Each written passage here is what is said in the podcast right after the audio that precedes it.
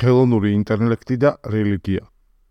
ამ სტატიის დაწერის იდეა მაშინ მომივიდა, როცა სიახლეებს შორის აღმოვაჩინე, რომ გერმანიაში, ქალაქ ფიურტში 300 პროტესტანტი დაესწრო საეკლესიო ღვთისმსახურებას, რომელიც თითქმის სრულად ხელოვნურმა ინტელექტმა აღავლინა.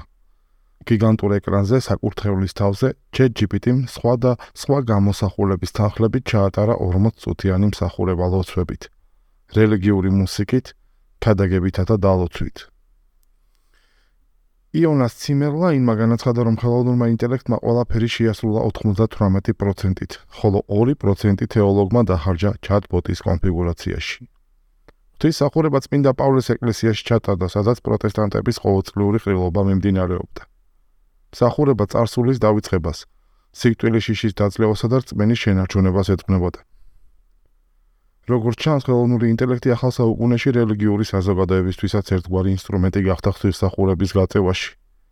ენობრივი ტრანსფორმერ მოდელები შესანიშნავად ერკვევიან რელიგიურ ტექსტებში, რომლის შესწავლაც ადამიანის განსხვავებით ხელოვნური ინტელექტისთვის დიდ პრობლემას არ წარმოადგენს.